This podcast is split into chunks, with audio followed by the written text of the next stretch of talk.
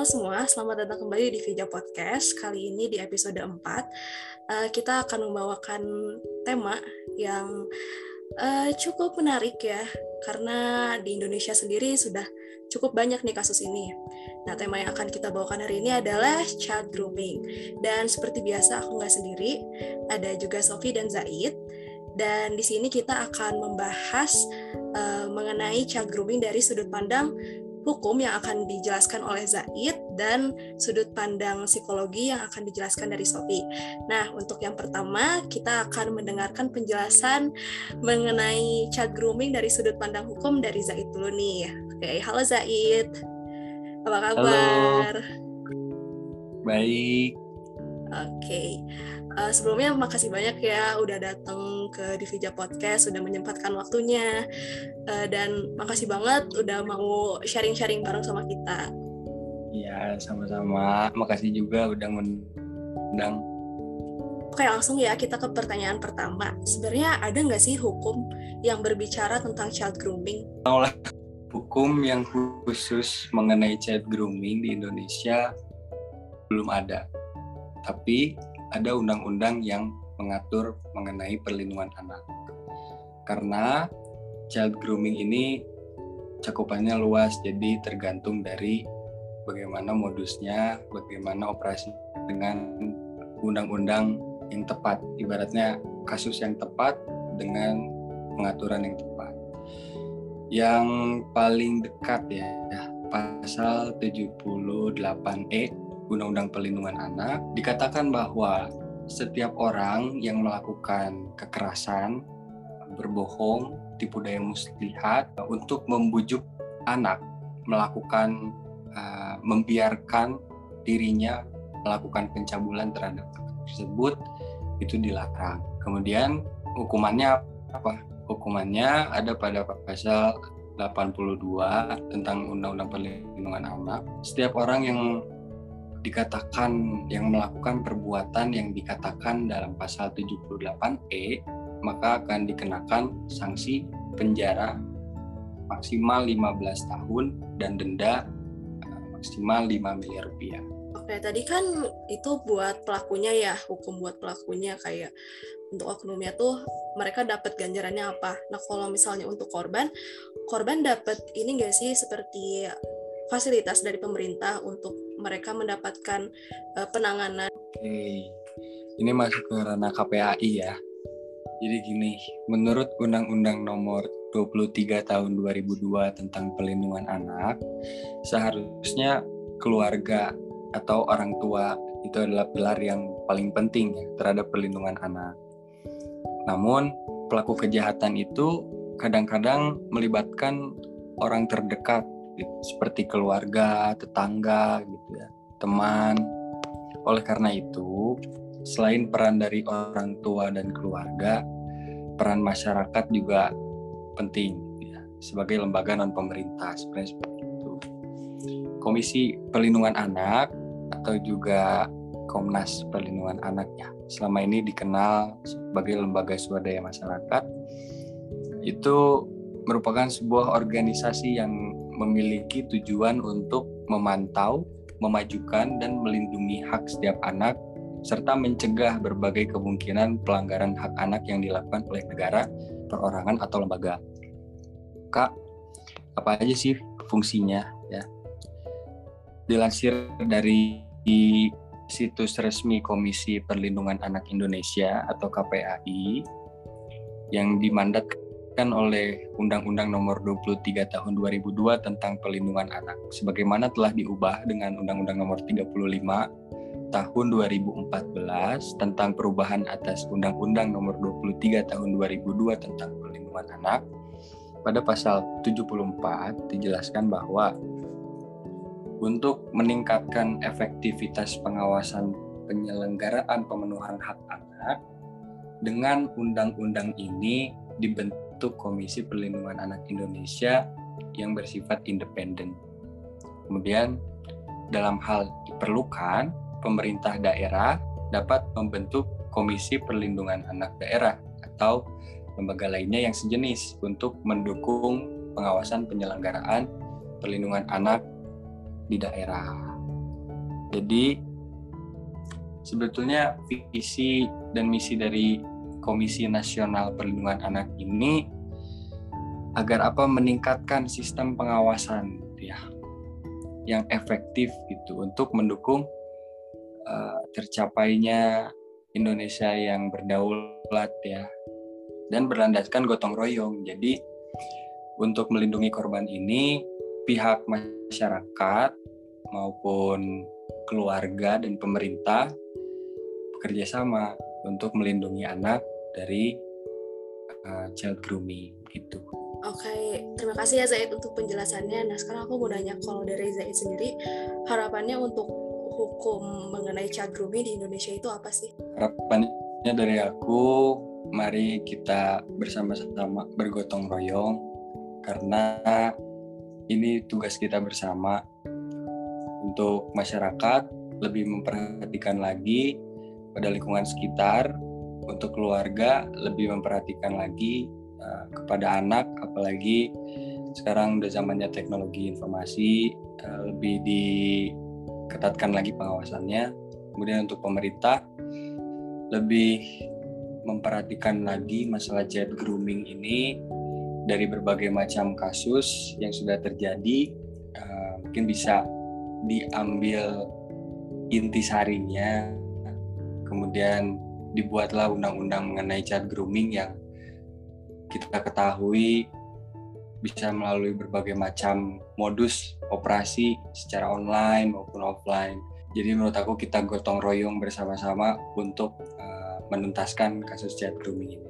Oke, terima kasih ya Zaid sudah mau uh, menjelaskan mengenai child grooming dari sudut pandang hukum. Nah, sekarang kita akan mendengar penjelasan mengenai chat grooming dari sudut pandang psikologi. Oke, nah kita sekarang udah ada Sofi nih di sini. Halo Sofi. Halo Hasna. Apa kabar? Baik, Hasna gimana? Baik. Uh, by the way, makasih banyak ya udah nyempetin waktunya untuk datang ke Divija Podcast. Nah, kita langsung aja ya ke topik pembahasan. Aku mau nanya nih, apa sih child grooming itu sebenarnya kalau dari sudut pandang psikologi? Jadi uh, child grooming itu kalau untuk definisinya sendiri yang dari uh, aku tahu itu adalah uh, upaya seseorang berteman berteman atau enggak akrab dengan atau pengakrab pengakraban diri dengan tujuan melakukan uh, kekerasan seksual ke anak kecil ini, ke anak di bawah umur ini. Nah, jadi istilah simpelnya itu pendekatan di pendekatan gitu ke anak kecil untuk melakukan kekerasan seksual gitu. Nah, untuk child grooming ini sendiri perilakunya itu susah dideteksi karena emang kelihatan kayak orang biasa gitu. Apalagi kalau misalnya ke anak kecil gitu kan. Kalau misalnya ada orang dewasa ke anak kecil terus kayak mereka ngelakuin child grooming, maksudnya belum sampai tahap yang melakukan melakukan kekerasan seksual itu pasti katanya kayak biasa aja kayak orang dewasa yang emang gemes gitu sama anak emang tujuannya kan mendekatkan diri kan jadi kayak bakal ya pokoknya bakal di friendly banget gitu ke anak kecil karena emang tujuannya supaya bisa deket gitu. chat grooming ini sendiri sebenarnya tuh ada tahap-tahapnya cuman tahap-tahap ini tuh gak selalu gitu misalnya gak selalu tahapnya langsung dari tahap satu dua tiga empat lima kadang juga ada langsung ke tahap dua ke tahap tiga ke tahap empat ke tahap lima jadi yang pertama tuh kayak milik korbannya dulu Nah, korbannya ini sebenarnya siapa pun bisa jadi korban ya untuk chat grooming ini siapa pun bisa jadi korban. Cuman pasti ada uh, beberapa orang yang bisa rentan gitu. Kan kayak penyakit juga sebenarnya kayak misalnya kanker kan sebenarnya semua orang bisa kena kanker gitu. Cuman ada beberapa orang yang emang rentan gitu. Jadi biasanya yang rentan tuh kalau orang kesepian. Kenapa orang yang kesepian ini bisa rentan? Bakal nyari orang buat bisa ngehilangin rasa kesepiannya itu kan. Nah jadi kalau misalnya uh, orang kesepian ini akhirnya ketemu gitu sama orang yang bisa ngehilangin rasa kesepian, dan dia akan cenderung lebih gampang percaya gitu sama orang tersebut. Jadi emang ada beberapa yang rentan gitu. Cuman tetap aja kita semua bisa jadi korban grooming ini. Terus habis sudah menjadi korban tuh ada melakukan upaya buat mendapatkan rasa percaya dari si korban. Nah, itu kalau udah dapet rasa percaya, nanti dia bakal membiasakan kan kalau udah percaya nih korban sama pelaku, kan ya udah ya si korban bakal ngerasa aman-aman aja gitu dan bakal bakal ngerasa nyaman. Nah, nanti kalau udah kayak gitu pelaku bakal membiasakan kontak seksual gitu, kontak fisik sama si korban ini bakal dibiasain. Kayak awalnya mungkin pegangan tangan, terus ngerangkul-rangkul, terus sampai yang akhirnya kayak lebih intim lagi kayak gitu. Nah, kalau udah udah terbiasa nih, terus juga uh, si korbannya percaya gitu udah nyaman sama pelaku ya udah ntar lebih mudah juga buat dia ngelakuin uh, pelecehan seksual gitu ke si korban ini. Nah nanti setelah udah berhasil, nah di akhirnya tuh si pelaku bisa memanipulasi korban itu. Jadi kayak ya pokoknya nggak nggak ngasih tahu gitu. Kalau pelaku ini udah ngelecehin dia jadi kayak misalnya bisa diiming-imingin hadiah atau nggak dibilang malah play victim bilang kalau misalnya itu salah dia kenapa? Misalnya menggoda apa gimana lah gitu. kalau anak kecil mungkin bisa jadi diancam gitu kan ya. E, nah tapi tahapnya itu nggak selalu berurut itu loh. Jadi kayak bisa aja korban itu emang dia udah kenal gitu. Jadi dia tuh udah udah kenal sama orang ini oh ya udah itu dia tuh nggak perlu nggak perlu nyari akses ke korban itu karena dia emang udah deket sama korban bisa aja kayak gitu. Jadi nggak nggak selalu orang yang belum kenal gitu kan.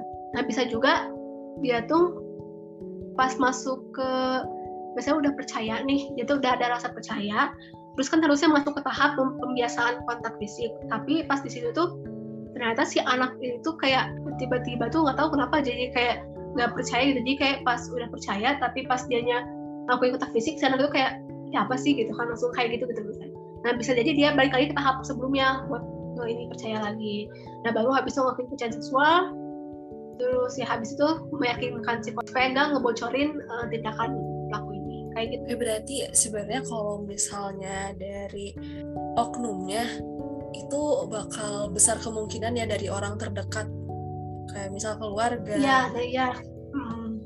Karena karena kan emang itu ya lebih gampang gitu kalau misalnya kita ngedeketin orang yang udah kenal gitu kan daripada orang asing gitu kan emang lebih gampang dan juga kalau udah kenal kan kita udah punya akses itu apalagi kalau misalnya anak kecil kita udah deket sama orang tuanya juga dia lebih gampang kayak gitu jadi emang kebanyakan sih orang terdekat gitu yang uh, orang terdekat atau keluarga yang ngelakuin pelecehan seksual kebanyakan. Cuman ada juga yang banyak juga yang enggak gitu. Oh aku paham paham itu makanya kenapa child grooming ini sulit dideteksi ya? Iya karena emang ya udah kayak ya kayak akrab aja gitu kayak keluarga yang akrab aja kayak bisa sepupu gitu atau enggak om atau enggak tante.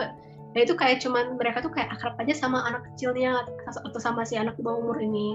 Jadi susah deteksi gitu. Untuk si proses uh, upaya ini ya uh, groomingnya itu kayak gitu. Oke, okay, kalau misalnya dari sudut pandang psikologi psikologi juga nih, kira-kira ada nggak sih upaya yang bisa dilakukan untuk mencegah terjadinya child grooming? Oke, okay. nah, nah jadi uh, gimana bisa mencegah tuh kalau kita sebagai orang tua misalnya sebagai orang tua tuh kita bisa mencegah bisa mencegah anak kita sebagai menjadi pelaku.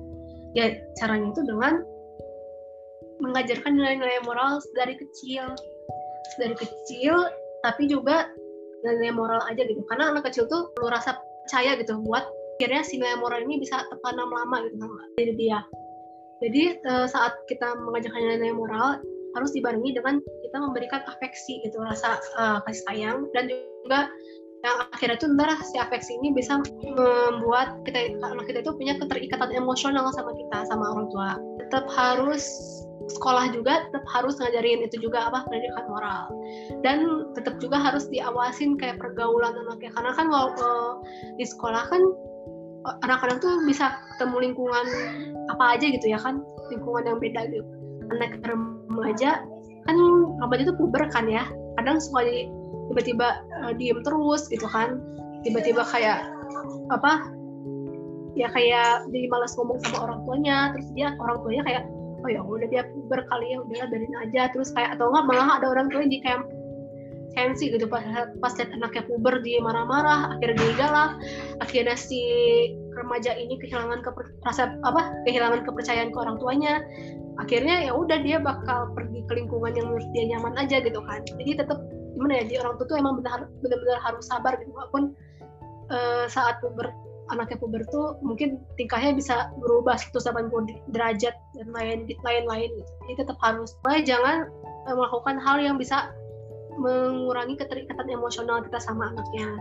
Kalau bisa sebenarnya, tapi itu kan emang suatu apa ya? Di orang tua kan orang tua itu kan emang gak mudah gitu ya. Jadi emang kadang ada beberapa beberapa situasi yang emang gak bisa dihindarin. Cuman tetap aja kita uh, harus berusaha gitu. Nah kalau untuk mencegah uh, mencegah anak kita jadi korban yaitu kita harus membuat anaknya itu gak, gak gampang percaya sama orang lain gitu kan dengan cara kan seksual ya penting sebenarnya jadi kan kadang kalau misalnya anak kecil gitu uh, di chat grooming terus si orangnya tuh kayak mulai megang-megang perutnya atau mulai megang-megang pahanya gitu kan. Kalau misalnya kita nggak didik gitu kalau nggak didik nggak mendidik si anak kita jadi kan dia kayak nggak tahu gitu kalau itu hal yang salah kan. Jadi maka kita harus kayak mendidik itu dari kecil. Aku pernah lihat itu ada acara di Korea gitu. Jadi tentang reality show uh, ayah ngasuh anaknya. Jadi si ayah itu kayak udah ngajarin itu ke anak yang cowok uh, pas umur 4 tahun 5 tahunan itu kayak kamu uh, gak boleh megang kita ada boneka cewek gitu terus dibilang kamu kalau misalnya mau meluk uh, cewek misalnya kan cewek itu di ibaratnya misalnya temennya gitu temen TK-nya kamu kalau misalnya mau, mau meluk si ini harus gimana dulu ditanyain gitu. Terus kan si anaknya nggak nggak tahu gitu kan terus katanya harus tanya dulu boleh nggak dipeluk kayak gitu kan.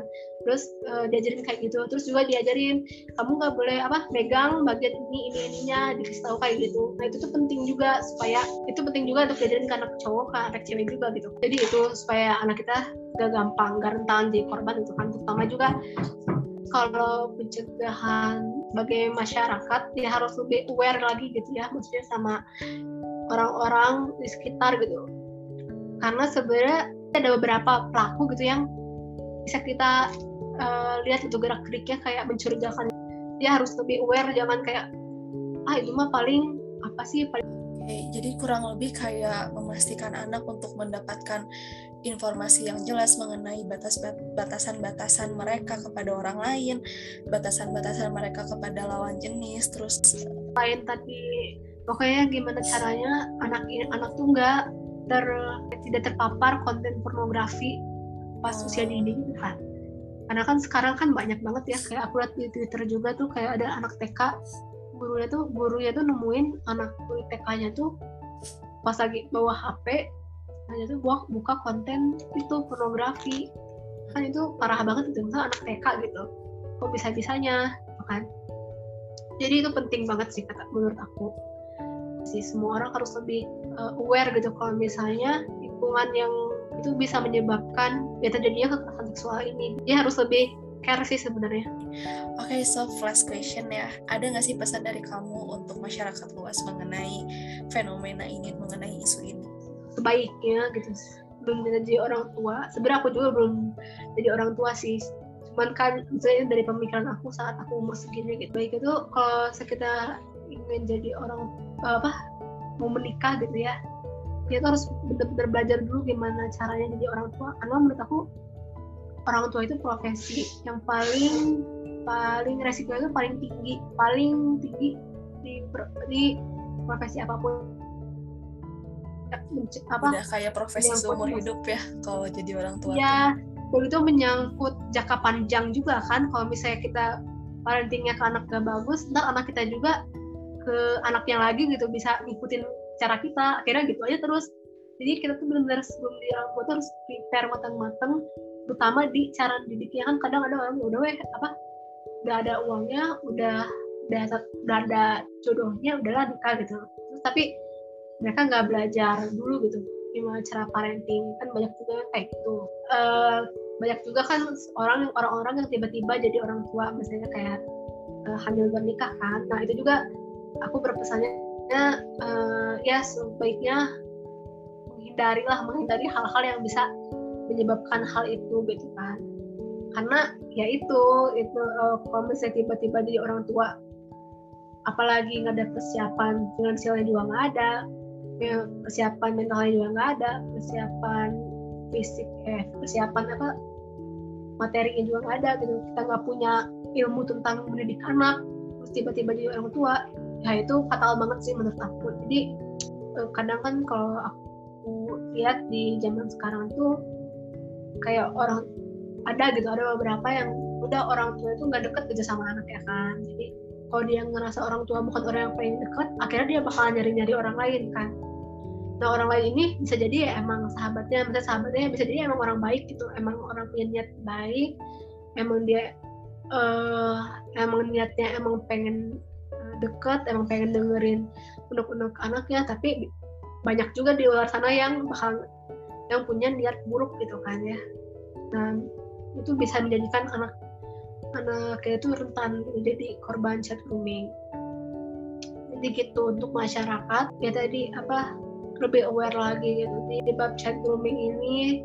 Jadinya uh, apa ya ya bisa men menurunkan gitu uh, risiko terjadinya hal tersebut. Ya benar-benar aku setuju banget. Uh, sekarang tuh uh, kita penting banget ya maksudnya untuk orang-orang tua orang tua orang tua gitu agar anak dapat membangun kepercayaan gitu kepada orang tua. Oke, okay, Sofi, ada lagi yang mau disampaikan? Paling itu sih pokoknya sebagai orang tua gimana pun caranya harus bisa jadi pendengar yang baik buat anaknya walaupun ya anak kan pasti kita sebagai orang tua kan pasti punya pengalaman yang lebih ya daripada anak kita. Anak kan pasti kalau anak kita kan pasti kayak mereka tuh masih proses belajar loh. Maksudnya mereka tuh masih belum tahu apa-apa gitu dibanding kita gitu. Jadi menurut aku sebagai orang tua kita harus lebih pengertian sama anak itu. Kalau misalnya kayak tadi lagi pubertas tiba-tiba sensi jangan jadi ya menjudge anak kita ya apa sih ini anak durhaka atau gimana? Gitu kan karena kita nggak tahu kan dia lagi ngalamin apa. Terus kita juga sebagai orang tua pasti udah pernah ngalamin masa remaja kan masa pubertas itu. Jadi sebenarnya kalau misalnya kita punya kesadaran yang tinggi akan parenting gitu kita bisa ngerti gitu kalau misalnya ya itu emang bakal terjadi dalam hidup anak itu bakal akan perasaan kan untuk dikeluarkan kan bukan untuk dipendam. Jadi gimana caranya si anak ini bisa mengekspresikan perasaannya tanpa tanpa halangan gitu. Jadi jangan sampai anak itu takut mengekspresikan perasaannya ya benar-benar sih orang tua harus aware banget ya sama fase-fase pertumbuhan anak supaya yeah. dalam stepnya pun tidak ada yang terlewat gitu loh iya yeah, bener banget Hey Sophie, thank you so much ya udah mau datang ke Divija Podcast. Tadi penjelasannya sangat-sangat memberi insight kepada kita ya. Jadi kita mendapatkan banyak pelajaran baru. Nah, buat teman-teman di Vija yang ingin tahu lebih mengenai kesehatan mental, kalian bisa datang ke Instagram kita yaitu di Vija underscore ID. Dan jangan lupa juga terus pantengin podcast kita di Vija Podcast. Dan sampai ketemu.